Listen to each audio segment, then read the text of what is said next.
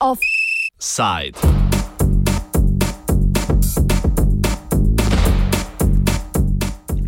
Nacionalna garda domoljubov.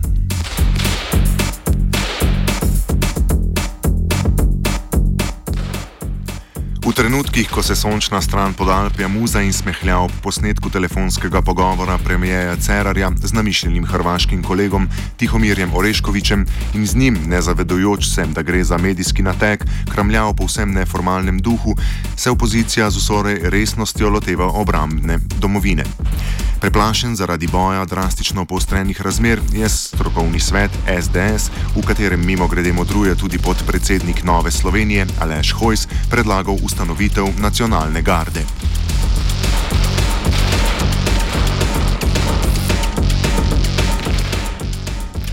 Nova vojaška enota, ki bi delovala v okviru slovenske vojske, naj bi nadomestila vse dosedanje rezervne enote. Van naj bi se lahko vključili prostovoljci oziroma, kot eksplicitno poudarjajo predlagatelji, domoljubi. Štela naj bi do 25 tisoč pripadnikov, oblikovana pa naj bi bila na pokrajinskih temeljih.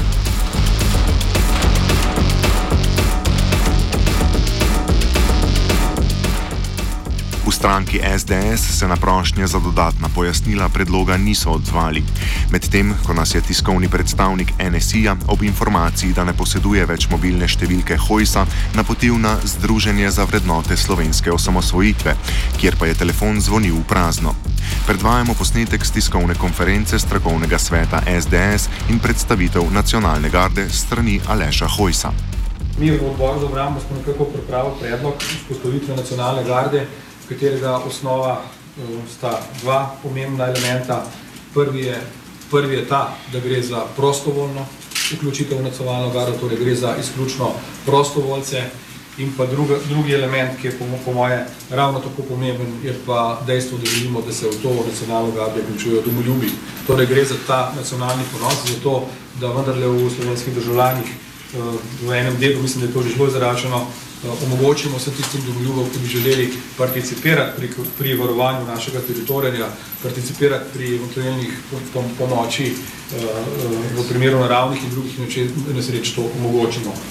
Kako bi, kako bi izbrali oziroma kako bi, bi rekel, potencijalne tiste, ki bi želeli v nacionalni gardi služiti, nekako animirali, kako bi jih usposabljali. Torej, gre za dva tipa prostovoljcev, V prvem tipu so, so tisti, ki so danes že v pogodbeni rezervi, te bi seveda imeli avtomatično eh, rekel, možnost eh, vključitve v to nacionalno gardo, pri čemer seveda tisti, ki so danes v pogodbeni rezervi in so že upravili usposabljanje teh usposabljanj, ne bi bilo potrebno eh, ponovno, ponovno eh, opravljati.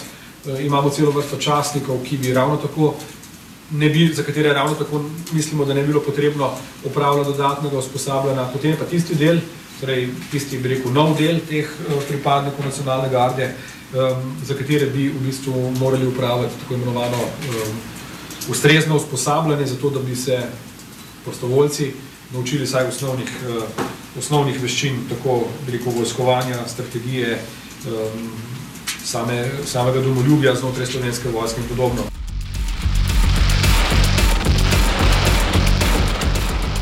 Obramboslovec Klemen Grošelj pojasni, na kak način so nacionalne garde urejene po svetu in v kakšne namene. Nacionalne garde so v bistvu pod tem pojmom se lahko v bistvu skrivajo, oziroma tudi pojmenujejo različne strukture rezerv. Recimo v drugih državah Amerike, kot v zvezdni državi, je nacionalna garda v bistvu garda, ki jo sestavljajo prostovoljci ne, in je pod neposrednim recimo temu poveljstvom guvernerja zvezde države. Ne. Ne, uporaba nacionalne garde je vezana bolj na ozemlje, na, na ozemlje um, zvezde države znotraj Združenih držav Amerike in se aktivira v primeru neko, neposredne vojaške nevarnosti in v primeru razglasitve kriznih in izrednih razmer.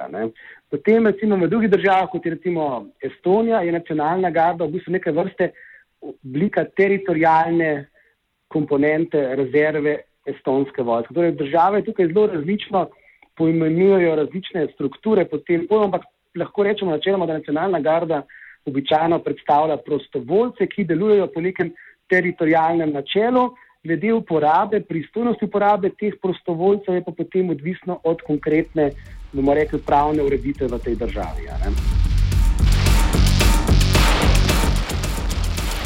Če se Grošelj strinja s potrebo po ureditvi rezervnih enot in se veseli odpiranja problematike med političnimi vrstami, pa nasprotuje nameram SDS-a, da se področje spremeni zgolj s podzakonskimi akti. Obstoji zakon o obrambi, zakon o obrambi je dvotretinski zakon, ki zahteva dvotretinsko večino v slovenskem parlamentu in to nujno pač gre, rekel, da so smere k temu, da je potrebna ta širša družbena razprava in pa družben konsens, kako to področje urediti. Sam pa moram reči, da sem proti temu, da se zadeva rešuje, kot se, reš, kot se je reševala že v preteklosti, z nekimi podzakonskimi akti, z nekimi dodatnimi zakonskimi ureditvami, kot je recimo zakon o službi v slovenski vojski, ker to vrstna ureditev potem povzroča na koncu v praktičnem delovanju slovenske vojske več težav, kot pa bi rekel koristi. Spremembo oziroma ureditev rezervnih enot naj bi narekoval boren odziv na vladni poziv rezervistom za angažiranje ob aktualni humanitarni krizi. Policijski sindikati za slab odziv policistov na isti poziv krivijo odločitve vlad v obdobju po začetku finančne krize in sprejetju ZUIF-a. Kako komentira boren odziv vojaških rezervistov in čemu pripisuje ta odziv? Grošelj. To je normalno, bom rekel, odraz stanja v slovenski družbi, kjer je več procesov. Zdaj tukaj ne bi mogel vsega govoriti. Gotovo je, da je teh tudi ta interes za neko aktivno službo v teh strukturah manjši med prebivalstvom. Eden pomembnih je pa tudi to, da mi moramo vedeti, da so to ljudje, ki so zaposleni v svojem delovnem okolju in ni, bom rekel, sistem sam ni narejen tako, da bi stimuliral niti, bom rekel, posameznika, da bi se vključil v aktivno službo, niti delodajalce, da bi te posameznike, bom rekel, pripustil k tej, bom rekel, aktivni vojaški službi, ker mi moramo vedeti, da večina slovenskega gospodarstva in večina teh zaposlitev, ki te ljudje imajo, sodijo v kategorijo malih in srednjih podjetij in tam je delodajalcu bolj kot rekel, to nadomestilo, ki mu po zakonu pripada, pomemben človek, ki mu v delovnem procesu dela, ker je rekel, izpad, ki ga povzroči njegova odsotnost, bistveno večji kot pa bi rekel tista finančna kompenzacija, ki mu ga država um, v tem primeru aktiviranja pogodbenega rezervista nadomesti. In seveda, ko so ljudje pač to bili pred temi dilemami izpostavljeni, so se pač odločili za to, da raje vrnejo vsa tista nadomestila, ki so jih prejeli, kot pa da grejo v aktivno vojaško službo. Ne. Odgovor na težave našega časa je očitno ljudska volja po obrambi ogrožene ljube domovine. Njena bodoča organizacijska oblika pa bo po mnenju desnih glav nacionalna garda. Ta, kot zagotavlja poslanec Slovenske demokratske stranke Žan Mahnič, se bo uresničila z naslednjo menjavo oblasti, ko bo vladne stolčke prevzela največja opozicijska stranka.